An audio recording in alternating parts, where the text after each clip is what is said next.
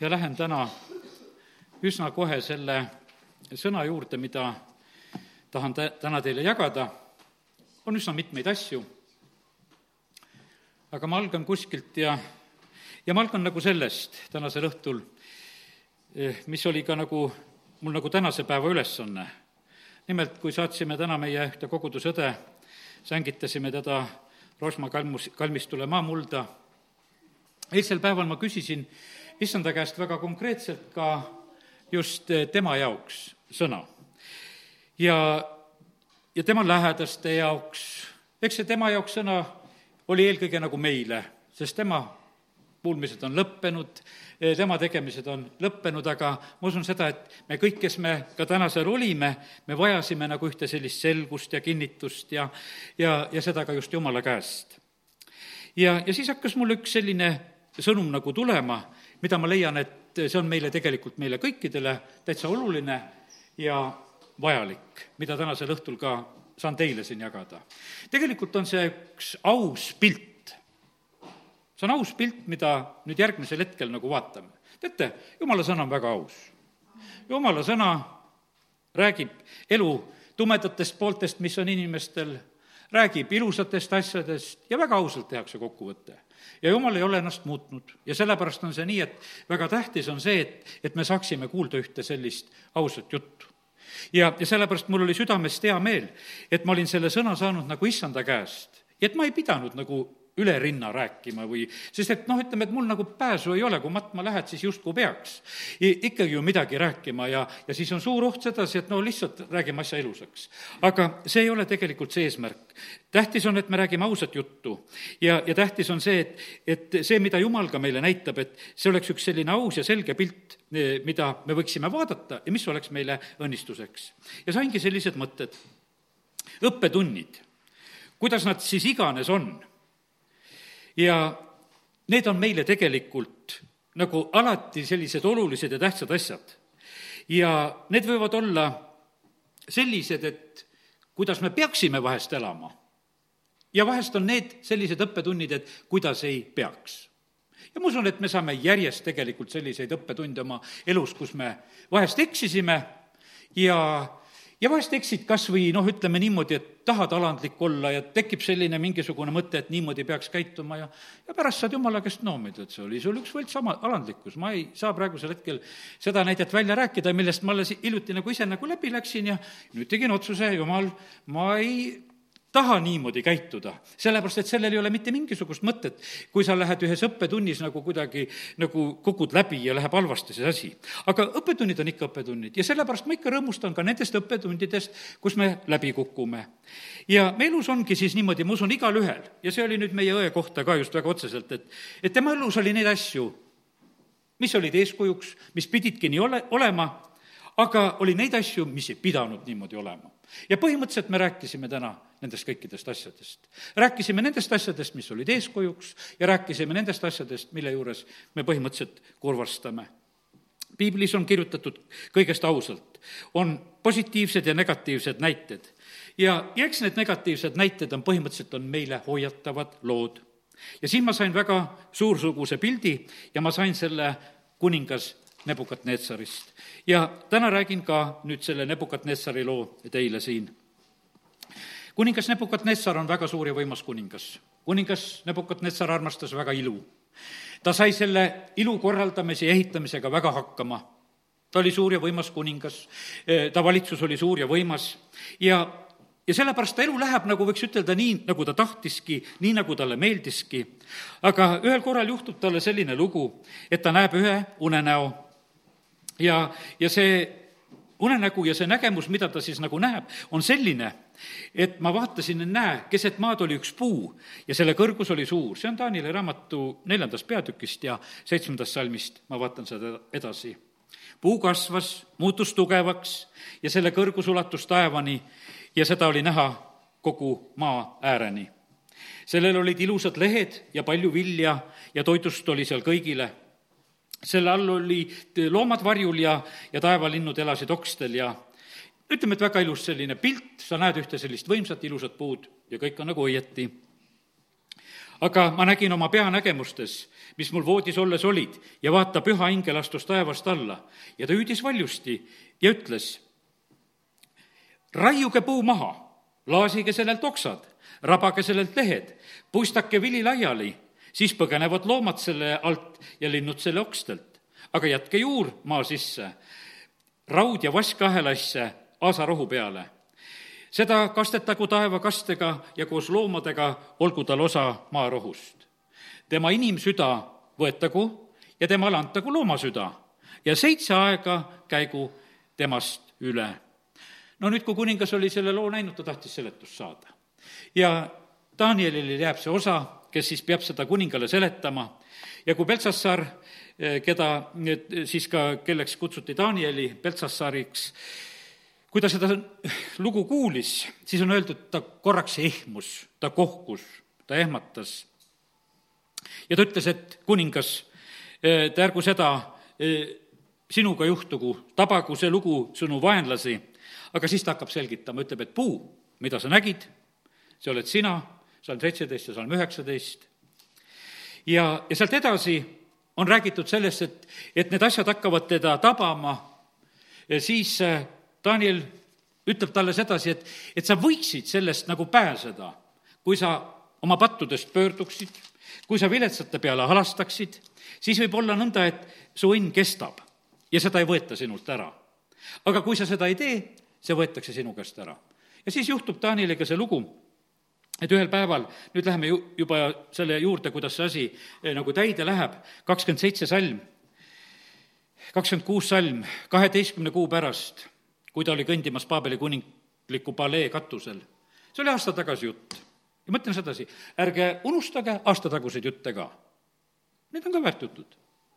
me ootame võib-olla iga kolmapäev ja iga pühapäev uut. aga me näeme sedasi, et, et äh, räägiti aasta tagasi see lugu ja see täitus kaheteistkümne kuu pärast.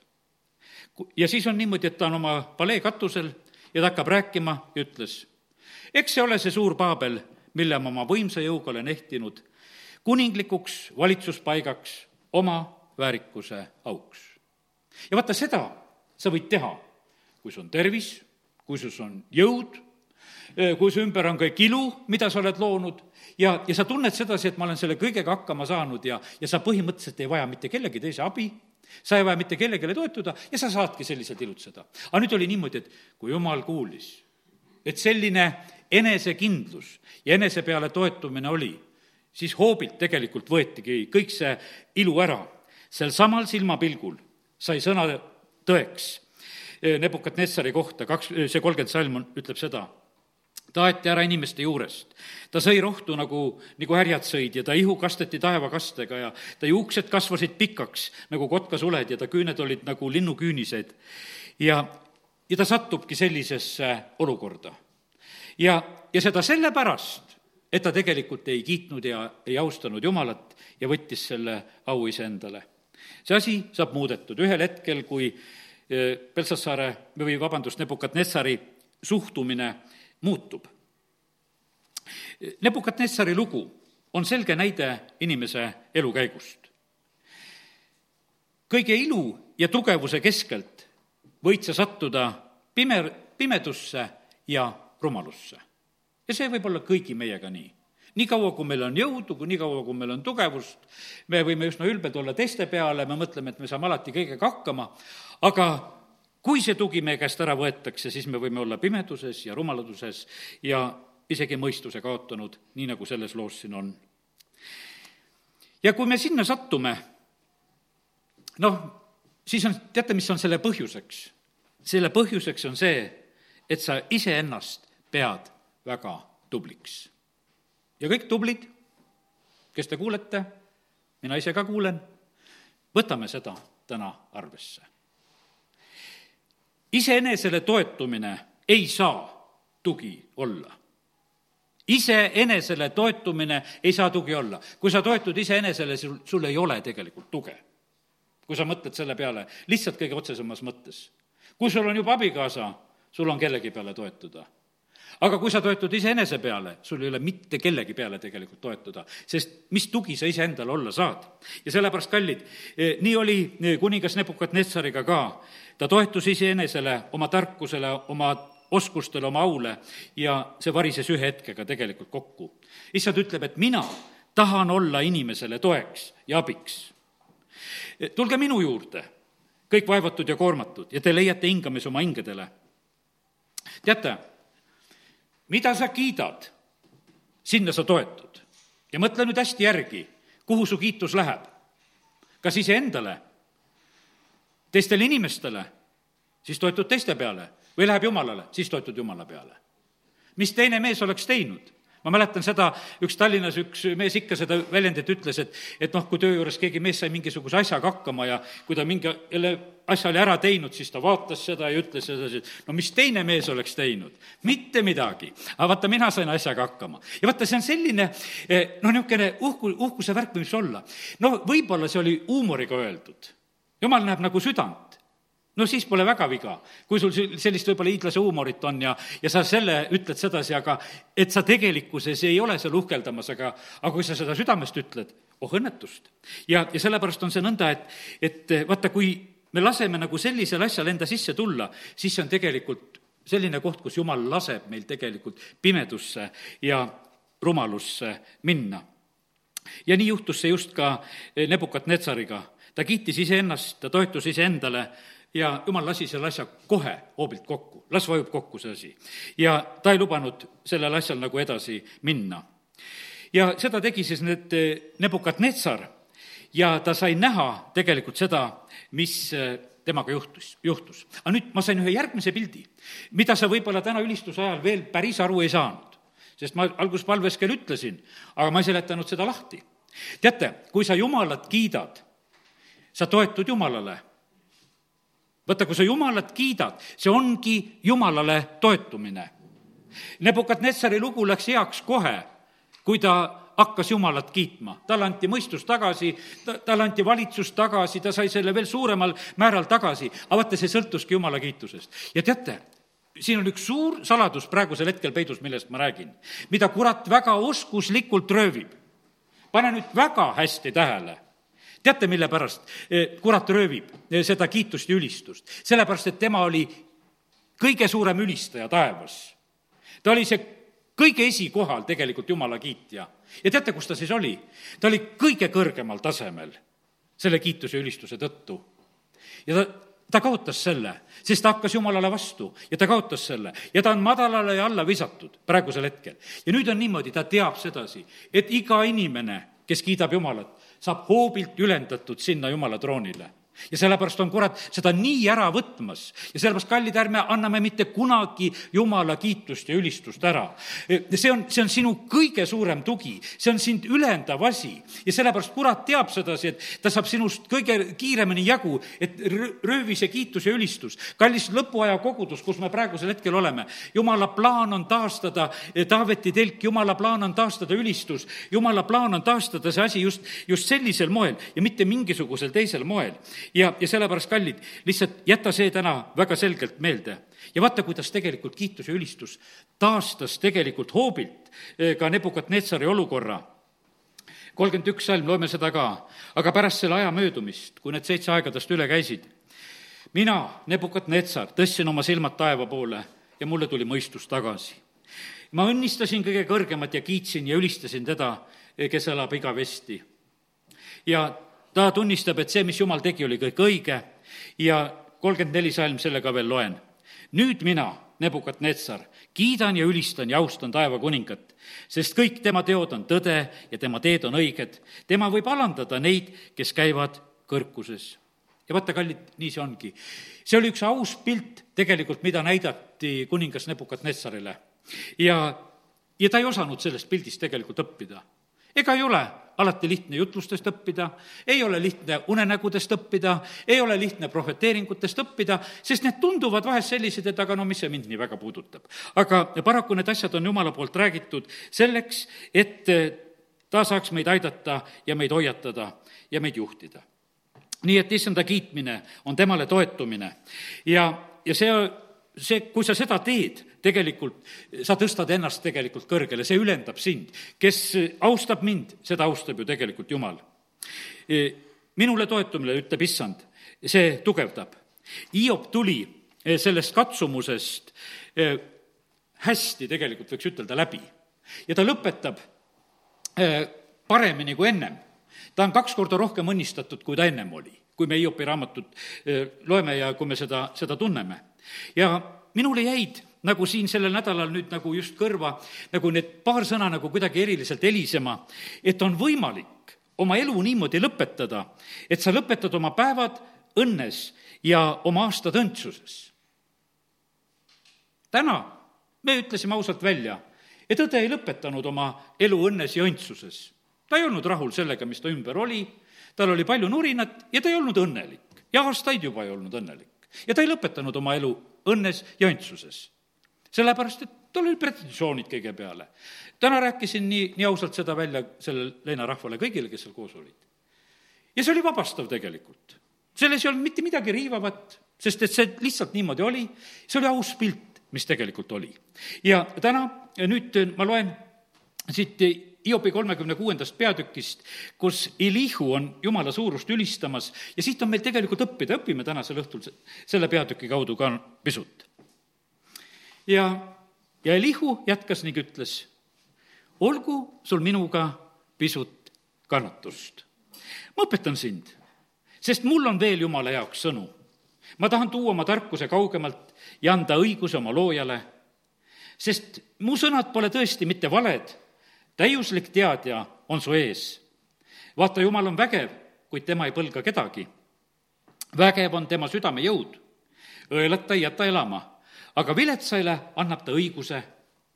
ta ei pööra oma silmi ära õigete pealt, vaid paneb need koos kuningatega igaveseks istuma aujärjele. Nad ülendatakse. kallid, kui me patust pöördume, kui me uuesti sünnime, meid ülendatakse sinna taevasesse olukorda no Jeesus räägib siin tegelikult täpselt sedasama juttu, et need asjad sünnivad meiega. et eh, koos kuningatega igaveseks istuma aujärjele ja nad ülendatakse. ja kui nad on pandud ahelaisse, eh, vangistatud viletsuse köidikusse, siis ta heidab neile ette nende tegu ja üleastumisi, et nad on olnud ainult ülemeelikud Nad on olnud ainult ülemeelikud ja ta avab nende kõrvad hoiatuseks ning käsib neid taganeda üle kohtust. ja kui nad siis kuulavad ja teenivad teda, ja ongi, paned tähele, see lahendus on seal, kui nad kuulavad ja teenivad teda, sa lõpetad oma päevad õnnes ja oma aastad õndsuses. ja see sõltub sellest, et kui sa lihtsalt seda kuulad, me kõik igatsesime ühte erilist õndsat hetke, võib-olla mina just väga igatsesin. ma rääkisin täna seda välja ka, mõtlesin, ma oleks tahtnud näha ühte õnnist hetke selles suguvõsas, sellist mõistmist, armastust ja seda ilu, et ma oleks tahtnud seda näha. mõtlesin, täna ma räägin oma koguduse õe eest, ma ütlen teile tänu, ma tunnustan teie te-, tegevust ja asja, kõike, mis te tegite, ma annan selle teile üle. teate, tegelikult silmad pisarates kuulati ja võeti vastu seda võeti seda tänu, võeti seda õnnistust, võeti seda kõike vastu. ja teate, mille pärast? ainult sellepärast, et ma jagasin seda sõna, mida ma olin Jumala käest saanud. kui ma oleks läinud seda mõistusega sinna midagi klaarima ja õiendama ja mm, oi, see oleks teinud haiget, see oleks olnud halb ja sellepärast, kallid, nii see on. kui tuleb sõna Jumala käest ja sellepärast Elihu, kes on eh, Hiopi raamatus, see Jeesus, kes on ise rääkimas tegelikult eh, sellise isiku nime all, kui me teda kuulame, siis me lõpetame oma päevad õnnes ja oma aastad õndsuses. ja sellepärast pane seda täna tähele, see võimalus meil tegelikult on ja see tuleb meile õnnistuseks. lõpetasid oma elud õnnes. Eenok, ta kõndis koos Jumalaga, lõpetab Stefanuski oma elu, mis siis, et kivirahe all, aga ta näeb, et taevad on avatud ja Jeesus on isa paremal käel. ja lõpetas Taavet. Jõud on nõrkenud, aga ta on kindel, et see, kes mind on kogu aeg aidanud igas hädas, aitab ka praegusel hetkel. Ja sellepärast, kallid, meil on võimas abiline, me võime oma aastad eh, lõpetada selliselt õnnes. nüüd äh, rääkisin sellest juba ära, et kuidas ülistus meid ülendab ja kuidas kurat seda meilt tahaks riisuda ja ma vaatan, kas mõni selline asi veel tuleks ütelda. vaata see kõrge positsioon, millest Jumal meid ülendab ja millest ka Hiopi raamat siin praegusel hetkel rääkis, on põhimõtteliselt see aus pilt meie jaoks, mida me tegelikult väga vajaksime. vaata, sealt kõrgelt me näeme asju õieti. drooni pealt vaadates me näeme asju nagu päriselt kõrgelt näed õieti ja, ja sellepärast on see niimoodi, et kõrgelt paistavad maised probleemid paistavad väikesed kui, kui me oleme nende probleemide keskel, siis nad paistavad suured, suured. Taavet jooksis alati, issand ütleb, minu juurde ja kui ta vaatas minu juurest kõigile nendele olukordadele, siis oli alati kõigeks lahendus olemas. ja sellepärast issand tahab, et me mõtleksime sellele, mis on ülal, et tema teed ja mõtted oleksid, mis on kõrgemad, meie omad, siis need aitavad tegelikult neid lahendusi ja asju tuua meie ellu, mis on siin selles maailmas vaja. nii et selliseid mõtteid midagi jagasin ja muidugi veel, eh, mida ma seal rääkisin, aga mõned asjad eh, tahtsin tänasel õhtul teile ka rääkida. see aus pilt meist on tegelikult, on eh, väga tähtis. teate, milline on aus pilt meist? aus pilt meist on see, kuidas Jumal meid nimetab kuidas Jumal meid näeb. vaata, see on see aus pilt meie kõikide jaoks. ühtlasi vaata, kuidas Jumal meid nimetab. see on nagu tema teadmine, teadmine või ühtlasi tema plaan meie eh, kõikide jaoks tal on iga inimese jaoks plaan. teise Moosese kolmkümmend kolm, seitseteist ütleb ja issand vastas Moosesele, mina teengi nõnda, nagu sa oled soovinud, sest sa oled armu leidnud minu silmis ja ma tunnen sind nimepidi vaata, lihtsalt ma võtan siit selle nagu mõtte, et jumal ütleb Moosesele, et mina tunnen sind nimepidi. ma tean, mille jaoks sa oled.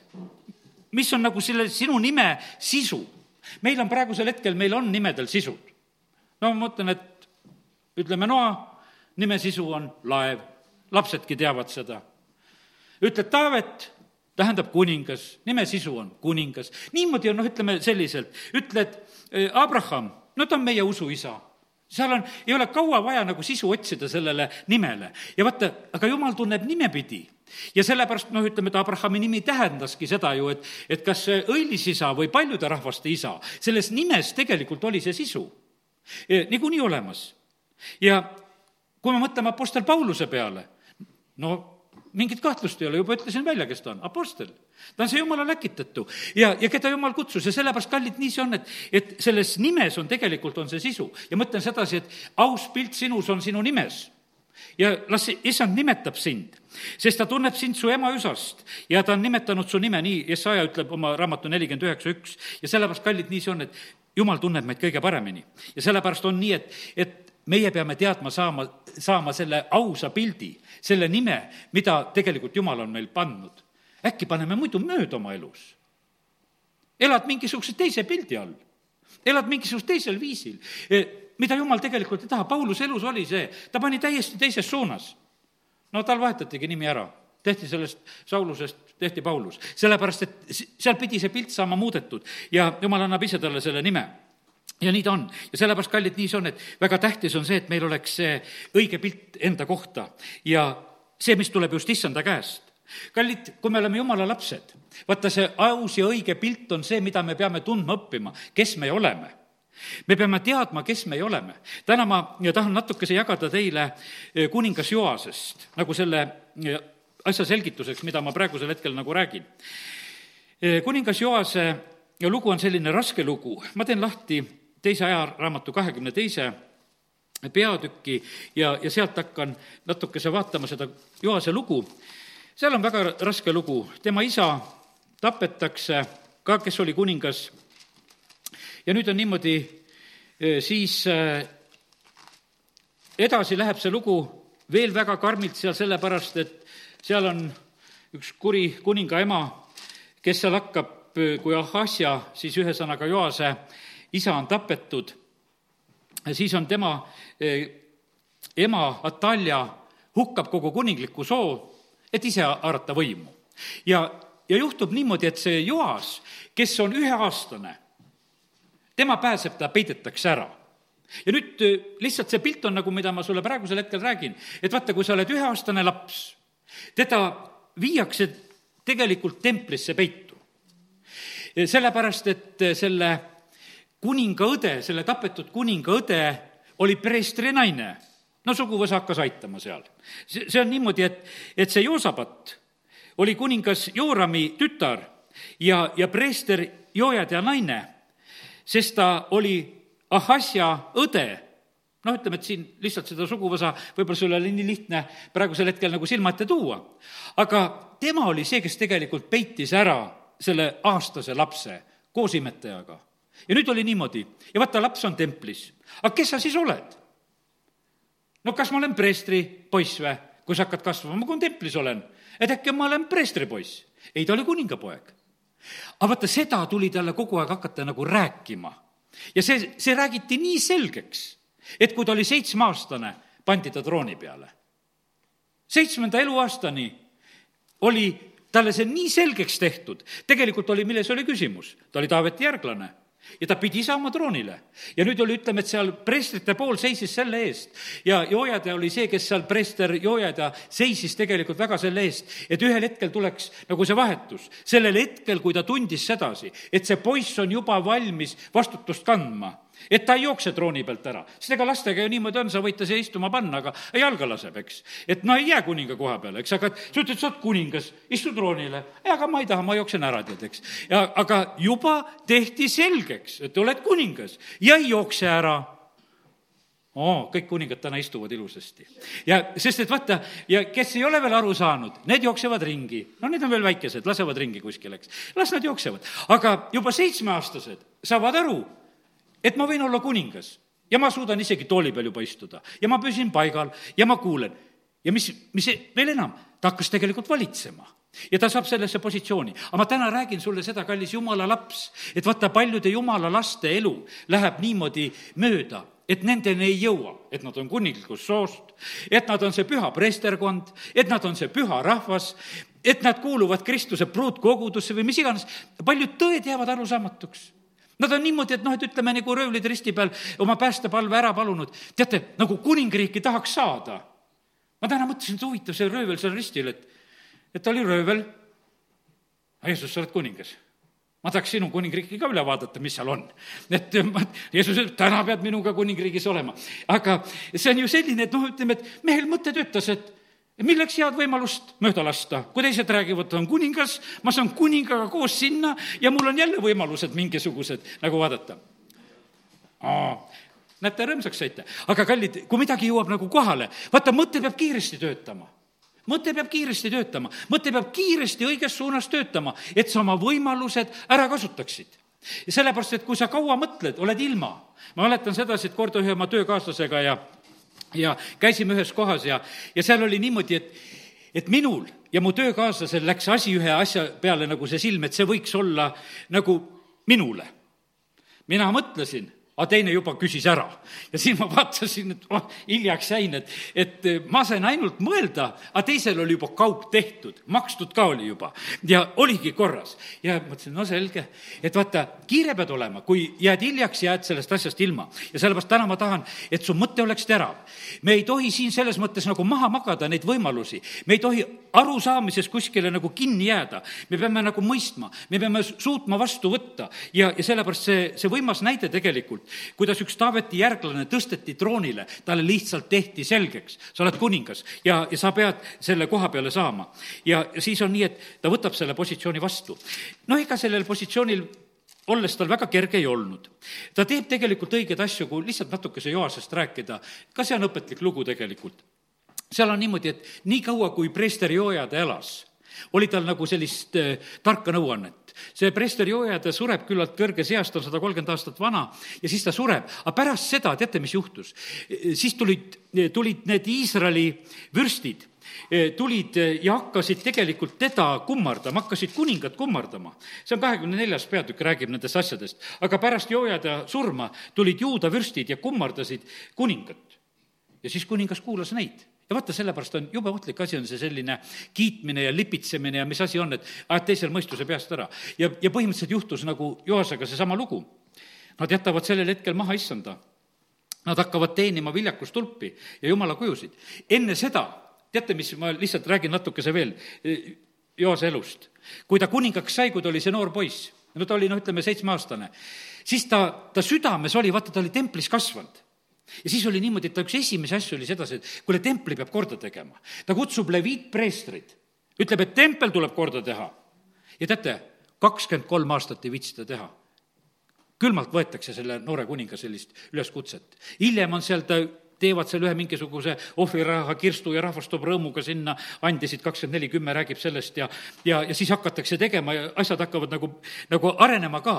aga kallid, vaata, ma täna räägin sedasi, et, et vaata, meist võivad asjad minna mööda aastateks meist võivad asjad minna mööda aastateks, et kus, kus see on, kus see üleskutse on olnud ja, ja see läheb mööda. see ma täna ütlen sedasi ka, et, et korja kokku neid üleskutseid, mis on olnud, kus sa oled laisk olnud ei, meil ei ole mitte mingi, mingisugust õigustust laiskuseks, sellepärast et vaata, kes on loid, issanda töös, see on hävitaja. ja sellepärast on see niimoodi, et jumal ootab sedasi, et, et me ei, me ei võtaks niimoodi kuidagi asju nagu külmalt. ja, ja siis me näeme sedasi, et need asjad, noh, läksid Joase elus lihtsalt nii, nagu nad läksid. aga pärast seda, noh, ütleme, ta sai teatud asjad hästi teha, aga siis pärast seda, kui ta on sellest preestrist ilma jäänud, siis ta mõistus tegelikult üsna võetakse ära. Jumal läkitab küll nende keskel ühe prohveti, neid pöörama issanda poole, see räägib ja kutsub neid korrale, aga nad ei võta kuulda, kakskümmend neli üheksateist salm räägib sellest. siis täitis jumala vaim Sakarja, preesteri joojade poja. Ja see oli nüüd selle joojade poeg, kes läheb, ütleb kuningale. vaata, ega kuningal ei ole lihtne ütelda, aga tuleb ütelda ja sellepärast kiitus Jumalale nende eest, kes ütlevad meie riigis, kes ütlevad tõde välja, kes julgevad ütelda. ja niimoodi teeb see Sakarja ka. mispärast astute üle issanda käskudest? see ei õnnestu teil. et te olete issanda maha jätnud, jätab tema teid maha. no muidugi sellel Sakarjal ei läinud kergelt, kuningas Joas lasi teda tegelikult kividega surnuks visata. sest et ta vaatas, et selline korralekutsuja on lihtsam on lihtsalt ära kõrvaldada ja Joas ei mõelnud armastusele, mida tema isa Joojade oli temale osutanud, teda kasvatades, eh, sinna kuninga ametisse rääkides, et sa oled kuningas. no tead, ta käitus, ütleme, see Joas käitub Sakarjaga väga halvasti. ja nüüd on niimoodi, et, et kui siis äh, ta on suremas, see Sakarja, siis ta lihtsalt hüüab veel, et issand näeb ja tasub ja teate, aastavahetusel tuli juba Süüria kuningas. lihtsalt aastavahetusel.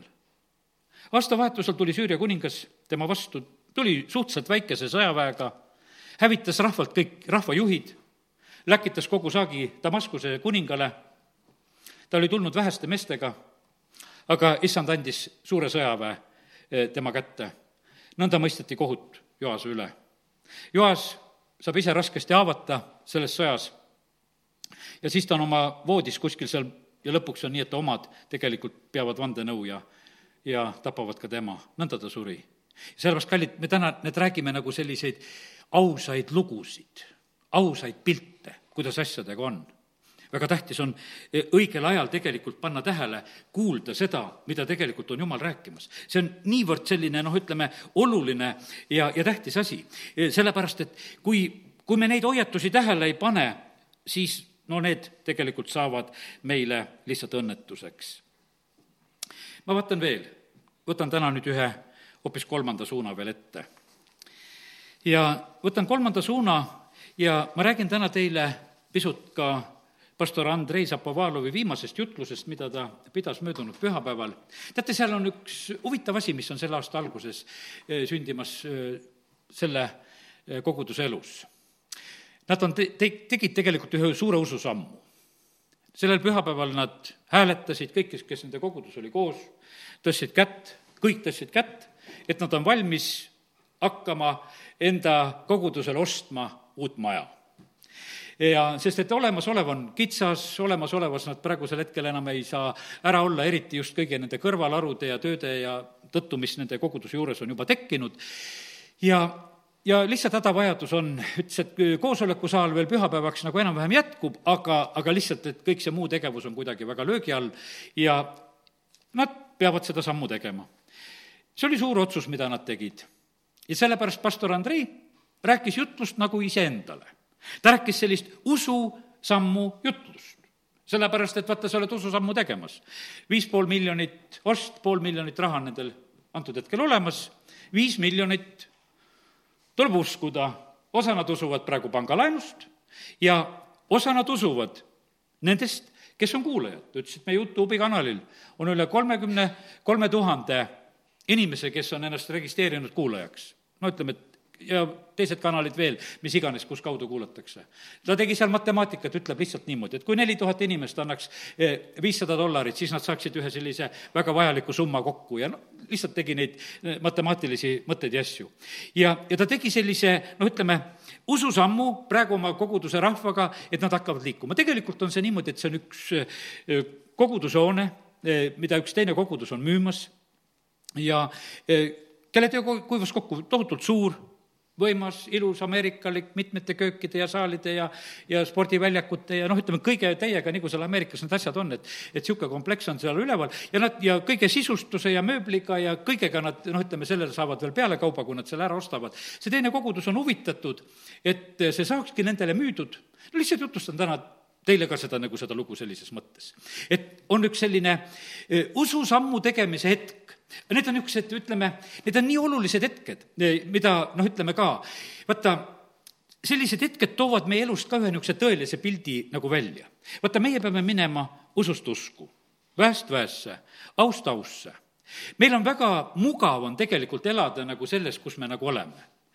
meie elame kõik täna oma eilsest usust see oli meie eilne usk, meie õppimine, meie saavutused, meie sammud ja me oleme jõudnud sellesse kohta.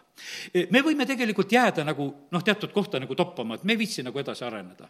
aga kallid, tegelikkuses on see nii, et kui me liigume edasi, vaata siis me läheme sellest usust usku, me läheme väest väesse. me, me peame julgema tegelikult teha teatud sammusid ja sellepärast on see niimoodi, et, et meie usk peab olema siin selles maailmas tegutsev. ja, ja teatud hetkedel on noh, ütleme need eriti tel-, sellised võib-olla sellised riskantsed sammud, sest usus on tegelikult risk. ja selle riski kaudu tegelikult tuleb tulemus. E, jumal tahabki, et meil oleks seda julgust. E, sest jumal ootab tegelikult, et meis oleks usku, temale toetumist. sest et vaata, kui me täna elame niimoodi, et, et meil on nagu, kuidas ütelda, noh, nagu kõik kuidagi kaskoga ära kindlustatud, et mitte midagi ei juhtu nagu saab teha, ütleme, oma autole kaskukingituse, et omavastutus on tohutult väikene, et kui juhtub ka kõige halvem, et üldse seda autot ei ole, siis ka ei juhtu mitte midagi, sellepärast et kõik on kindlustatud. ja me võime piltlikult hakata oma usuelu elama täpselt niimoodi, et umbes, et me oleme kuidagi ära kindlustanud. et meil on alati nagu hästi meil on alati võib-olla mingisugune selgitus, meil on alati mingisugune lahendus, me alati kuidagi keerutame välja, ütleme, et kõik ja isegi justkui anname Jumalale au ja noh, ütleme, et kõik on hästi ja naeratame, et kõik on tore. aga tegelikult on see niimoodi, et see ei ole enam, võiks ütelda, selline edasiviiv asi ja sellepärast täna tahaks seda, seda pilti sulle ka anda, seda ausat pilti, et me vaataksime oma usuelu peale just sellises mõttes, et, et kas on meil kõige tähtsamal kohal usk? Mis on meie usuelu kõige tähtsamal kohal? see, meil võib tulla palju asju, et piibli lugemine tähtis, palvetamine tähtis, igasugused asjad, ohvrid tähtsad, noh, kiituse rääkisin, kui tähtis on. aga tegelikult on, väga tähtsal kohal on usk, sest et pead usus kiitma, pead usus ohverdama, pead usus jumala sõna lugema, pead usus palvetama ja sellepärast on see nii, niivõrd tähtis, et, et meil oleks see usk, et me usaldaksime Jumalat. ja, ja sellepärast nii see on, et, et põhimõtteliselt on see jumala soov, et see usk tuleks meile tema käest. tead, meie plaanid on väikesed ja, ja sellepärast on see nii, et me peame julgema teha neid jumala plaanisid. Kui jumal tõmbab sellisesse plaani, täna meil on nagu lihtne õppida ühe teise koguduse pealt. me oleme isegi, võiks ütelda, nagu kõrvaltvaatajad. me saame ka kaasa aidata, kui me oma raha sinna saadame. aga põhimõtteliselt oleme me nagu kõrvaltvaatajad, et mis nendest saab. et kui preestrite jalad astuvad vette noh, kas Jordan jääb seisma või ei jää? Joosa raamatus on niimoodi, et kõikide preestrite jalad olid juba vees. kui preestrite jalad on märjad, kas nad jäävad häbisse, et nad sinna vette ronisid? sest et see oli selline üleujutuse aeg, kui nad hakkasid Jordanist üle minema oma seaduslaekaga. Lähed sinna päta-päta sisse, kõik jalad märjad ja siis jumal tegelikult teeb alles selle, kus see veevool peatub, jääb seisma ja saavad läbi minna. teate, me, issanda teenimine on selline, et tegelikult me oleme nagu sellises kitsas olukorras, me võime häbisse jääda. oled sa valmis selleks, et, et sellel aastal tegema niisugust ususammu või kuidagi kindlustada ennast, nii nagu näiteks, et, et Naaman, see Süüria sõjaväepealik, kes läheb Iisraeli tervist saama, no ta lõpuks oli ka selline, et ma ei taha häbiks, häbisse jääda. Mine sinna Jordanisse jalgupidi sisse, kasta seal seitse korda no naljad ette ja, ja siis tulen märg ja pidale tõmbin võib-olla sealt välja ja kõik naeravad, et vaata, kus lollakas tead. käis Iisraelis oma suure karavaniga ja oma suure varandusega ja, ja, ja nüüd ta siin on ja, ja tead, vaata, inimesed on niimoodi, et nad ei taha häbisse jääda. kui oli äh, Oleviste kirikus oli ärkamisaeg, siis mõni tuli sinna niimoodi kohale. ma siit välja ei lähe, kui ma terveks ei saa noh, et ma tulen sinna niimoodi kohale, ta ei tahtnud häbisse jääda. ma tulen siia ja ma jään siia kirikusse elama. Nad pidid ikka kuidagi need sealt välja ära saama. kui mul on hea, et ikkagi siin iga õhtu läheb rahvast tühjaks, tead, eks. et ei ole sedasi, et ütlevad, et kuule, ma siit nüüd ei lähe, tead, eks. ja aga, aga vaata, inimene on niimoodi, et mul on häbi tagasi minna. ma usust tulin kelle häbi siis seal on, eks. kallid, me nagu kardame nagu enda pärast, sellepärast täna vaatame nagu ausasti nagu ka enda peale kelle au pärast sa oled praegusel hetkel kõige rohkem mures? kas jumala au pärast või enda au pärast? vaata, kui enda au pärast oled mures, no ongi üks tegelikult üks imelik lugu, kui nii võiks ütelda. sest kui me oleme jumala omad, siis on niimoodi, et meile on kõige tähtsam on see, et, et kas või jään häbisse, aga ma teen selle sammu.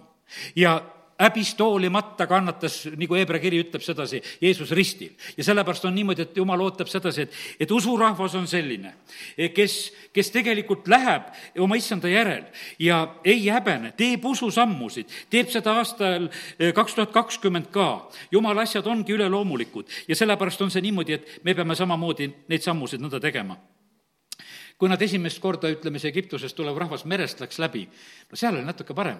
õhtust tuli tuul ja muudkui puhus ja puhus ja hommikuks oli juba kuivem. aga vaata, Jordanist üleminek oli veel hulga raskem, sellepärast et siis oli niimoodi, et kui preest-, preestrite jalad märjad, siis alles peatub. ja sellepärast, kallid preestrid, ärge hoidke oma jalgu kuivasid sellel aastal me oleme kõik see püha preesterkond, astume vette julgelt, e, las veevool peatub, me peame olema usus. me võime olla sellised nagu mingisugused pealtvaatajad siin selles maailmas. et me kõike kontrollime, kontrollime koosolekuid, kontrollime värkesid, kontrollime igasugu asju, mis on ja, ja siis ütleme hinnanguid siia-sinnapoole. ei, meie käest oodatakse sedasi seaduselaega sõlale ja jalgupidi Jordanisse, nii et peatub vool ja et me saame minna. vaata, see on usuelu. ja, ja sellepärast on see niimoodi, et me ei hoiaks ennast et me ei häbeneks olla seal, et meie oleme juba seal jalgupidi vees ja veel teadmata, kas see asi juhtub või ei juhtu. aga kallid, jumal ei jäta meid häbisse, kui me oleme usus. ja, ja sellepärast on nii, et ära karda olla jalgupidi vees, vaid läheme hoopis sinna sisse ja, ja saame kätte eh, need õnnistused ja asjad, mis jumal tahab anda ka sellel aastal Taavet, kui ta tuleb eh, võitlusväljale noore poisina, eks, kui koljati vastu võitlus, kõik on vaatlejad, kõik on unistajad, kõik on mõtlejad. kõik võivad mõelda sedasi, et läheks niimoodi, et äkki sellel koljatil jääks tervis, läheks pahaks või sureks ära või no juhtuks no midagi, et kuidagi see asi lähen-, laheneks, eks. aga Taavet tuleb, ütleb, et mina tulen asja lahendama. sa oled ennast sisse rääkinud, et mina annan täna lindudele süüa selle Süüria sõjaväe no sa pead seda tegema hakkama ja ta läheb seda tegema. ja sellepärast, kallid, vaata, see on, see on usk tegelikult, mis ennast väljendab ja mis ei karda tegelikult häbisse jääda ja, ja mis on valmis lahingusse minema. Need on usklikud inimesed e, ma ütlen, et teate, kus on meie usk sageli, kes me praegusel hetkel sageli praegusel ajal elame? teate, meie usk on viimases hädas siis me otsime selle usu välja. nagu pastor Šapovalov ütles, et, et sa võtad oma autost tagavararatta siis välja, kui kumm on tühi ega muidu seda ju nagu vaja ei ole. ja, aga ta ütleb selles mõttes, et aga, et vaata, see meie usk on nagu tagavarratas seal. et noh, peaaegu saab ju niimoodi elada, et usku ei olnud, ei olnud vaja. no mille jaoks oli täna sul vaja usku? et leib lauale tuleks? et sa siia tulla saaks? no nähtavasti paljudel ei olnud. võib-olla ei olnudki täna usku vaja kui, kui niimoodi mõtled, et, et mul ei olnud, kõik oli niimoodi, võiks ütelda, loomulikkuse piires saavutatav asi, et mul ei olnud selline tusutegu. ma mäletan, ükskord läksin ühte äh, ühte laagrisse, läksin jumala sõna jagama, väga kitsas aeg oli oma peres sellel hetkel. laenasin viissada krooni, no lihtsalt oli krooni aeg ja vaata, need sõidud ja värgid olid teistmoodi kallimad ja asjad ja ma mäletan sedasi, et läksin, laenasin lihtsalt viissada krooni, et ma saaksin minna laagrisse sinna jumala sõna kuulutama. ise usun ja palun, Jumal, oleks nendel oleks taipu, et nad kuidagi mu sõidukulud ka ära maksaksid. et ma päris noh, sellest ei jääks nagu noh, auku, tead, lihtsalt oled selles, ega ma nendele ütlema ei ütelnud, et ma praegu laenasin ja, ja ma tulin, et teile siin täna sõna jagada ja, ja sellepärast ma siia tulin. ma olen mitmel korral niimoodi käinud mäletan, ühes teises koguduses olin aastapäeval läinud, suured lauad kaetud Põhja-Eesti, tead, kõike rikkalikult, aastaid tagasi, kui minul toidulaud oli nii vaene, ja siis ma vaatasin, et no küll nad siin priiskavad ja söövad ja, ja siis on niisugune tunne, et et kuule, nad vist unustavad mulle isegi bensuraha anda. et nendel on siin süüa küll kõvasti, aga, aga et kuidas mina siit koju tagasi saan. seisad usus ei anti ikkagi, tead, pead usus seisma.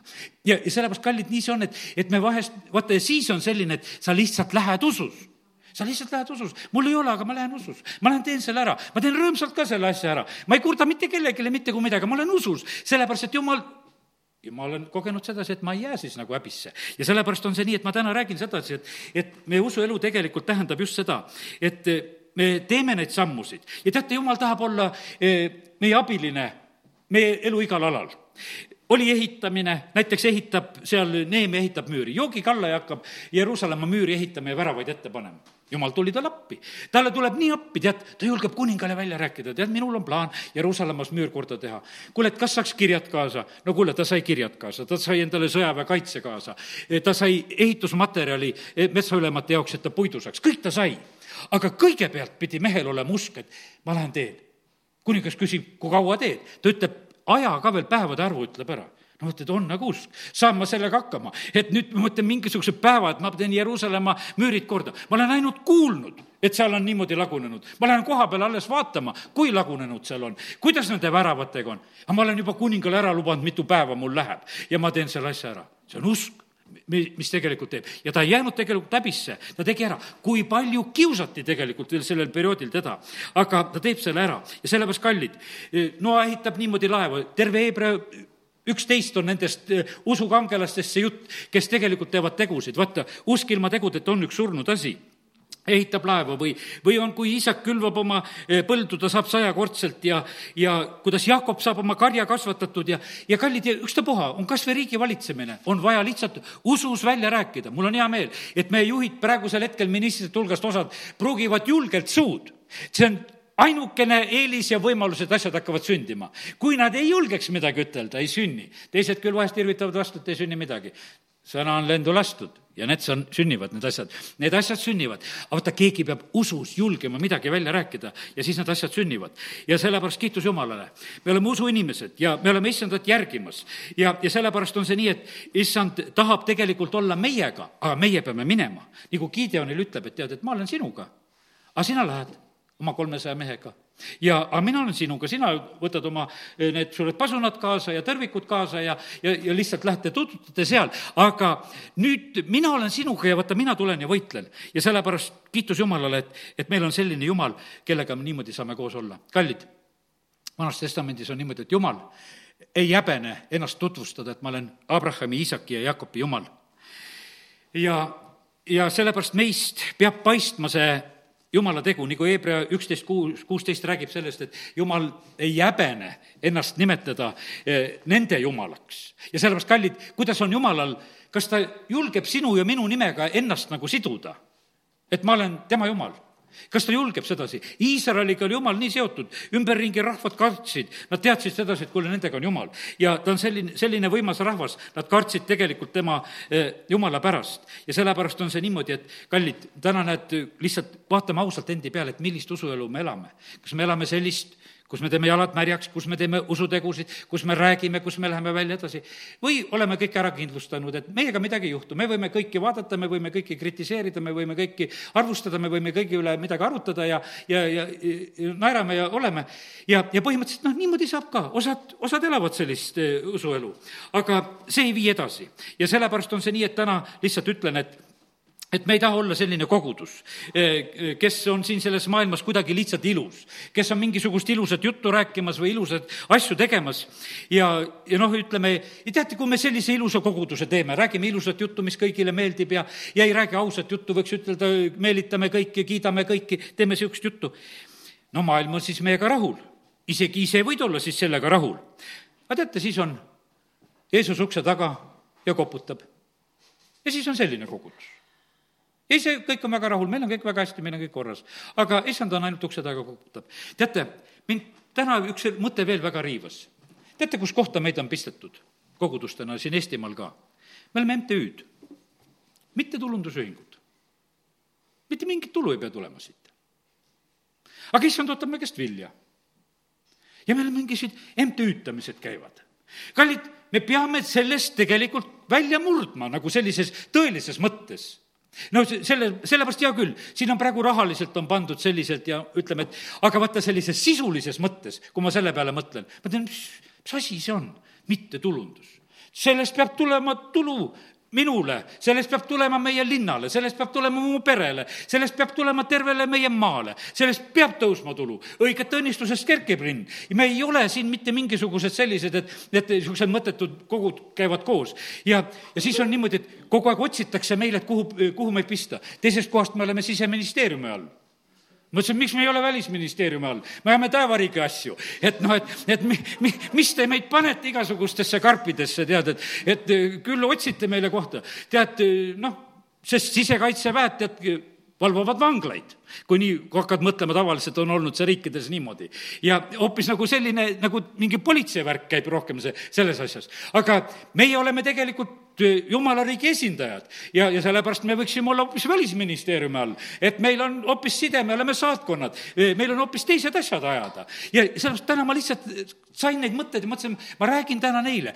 sest et vaata, kui me oma usku nagu laiemale ei kärista, siis no me ei jõuagi mitte kuskile. siis me läheme nagu sama targalt tagasi ja, ja sellepärast nii see on. kui Joaso on võitlemas, siis ta on niimoodi, et ühel päeval ta sealt palub, et päike ei jää sinna seisma, sest meil ei ole veel võitlus lõppenud ma ütlen, et kas me oleme niimoodi valmis, et meil on niimoodi, et ei, me vaatame kella, et kuule, koosolek võiks lõppeda, et koju tahaks minna. ja ma ikka hiilin siit ka kaua, ma räägin, eks. aga, aga Jooso ütles sedasi, päike ei jää seisma, sest vaenlane ei ole veel võidetud. me peame võitluse lööma, meil ei ole vahet. päike ei seisa nii kaua, kui on võidetud meile võib-olla meeldib see, noh, et niikaua, kui seal Moosese käsi jaks-, jaksasid hoida, tead, et nii kaudu oldi siis võimalik, võidukad Amalekkide üle. ja, ja siis, kui käed väsisid, siis jälle ei olnud, teised aitasid, jälle siis natuke võitsime.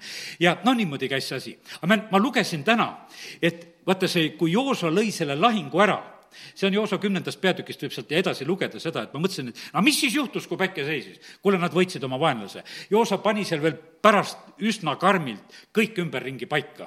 see oli väga võimas selline eh, tegutsemine, mis siis selle järgi veel pärast ka sündis. ja sellepärast täna ma tahan lihtsalt tõsta meie usku nagu selle koha pealt, sellist nagu ausat pilti iseendast näha, et, et mis me siis oleme, kes me siis oleme, et kuhu me siis kuulume ja kas meist ka mingisugust kasu siin selles maailmas on, sest issand tegelikult tahab, et meie elaksime ja liiguksime üleloomulikkuses. sellepärast, et jumal ei ole meid päästnud loomulikkuse jaoks sellepärast et loomulikult saavad kõik siin elada, aga üleloomulik osa, osa tuleb Jumala käest ja sellepärast Jumal tahab tegelikult, et meie elaksime selles.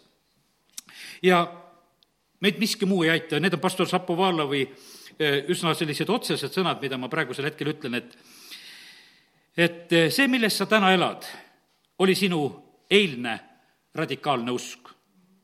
täna sa vajad uut sammu.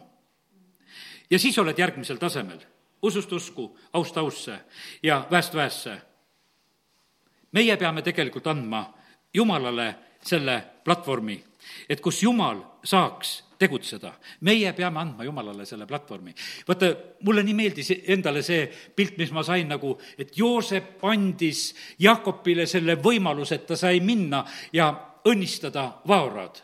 meie peame oma Jumalale andma siin selles maailmas võimaluse, et tema saab oma õnnistusega tulla. me peame nagu seda kuidagi nagu ette rajama, tegema, me saame seda teha. Joosep sellise oma eh, targa käitumisega, oma töökusega eh,, kõigega tegelikult rajas tervele oma perele, vendadele, kõikidele Egiptuses koha. Nendel oli tulla. isa võis minna õnnistada vaarud. kui selle loo peale päris mõtled, et see on päris napakas värk, et üks mingisugune karjus tuleb, õnnistab vaarud. kas sa üldse ligi niisugust lased? aga laseb sellepärast, et oli rajatud tee. ja kallid, sellepärast on see niimoodi, et meie saame suurele Jumalale rajada siin teed, kui me tegelikult oleme radikaalselt elamas seda usuelu. ja, ja see tuleb nii suureks õnnistuseks meile ja kogu meie maale, amin. tõuseme. isa, ma tänan, ma tänan sind, et sina oled meie usu alustaja ja täidesaatja Jeesuse Kristuse kaudu. sa saatsid oma poja Jeesuse selleks siia sellesse maailma, et meie võiksime olla usuinimesed. ja täna, issand, me oleme vaadanud nagu seda ausat pilti. kuhu me toetume, issand, me ei taha toetuda Nebukadnetsari moodi iseenese ja oma tarkuse ja oma ilu peale, vaid issand, me tahame juba targaks saada ja sind kiita ja austada ja ülistada. isa, me täname sind, et, et sa oled täna meile seda rääkinud. me täname sind, Jumal, et sa oled täna meile meelde tuletanud, et me võime lõpetada oma aastad õnnes, kui me võtame kuulda seda, mida sina, Jumal, meile räägid. isa, kiitus ja tänu ja ülistus sulle. aga ma tänan sind, Jumal, et su sõna on täna pannud meie ette ka ühe ausa pildi meie usuelust. millist usuelu me elame? isa, me täname sind, et me oleme võinud vaadata selle, selle peale ka sinu sõna läbi. issand, me ei taha elada siin asjatult selles maailmas. me tahame anda sinule võimalust. me tahame olla need, kes me läheme ja paneme oma jalad vette, et sina, Jumal, saaksid oma imesid teha, et sina saaksid veed lükata kõrvale. isa, me tahame olla need siin sellel maal, kelle kaudu õnnistused tulevad sellele maale. isa, me täname sind, et me võime täna selles usus olla siin selles paigas ja ole kinnitamas iga mu vend ja õde, kellega oleme siin ja, ja kellega oleme üheskoos praegusel hetkel interneti kaudu ka, ole meid õnnistamas, me palume seda, issand, sinu nimel, amin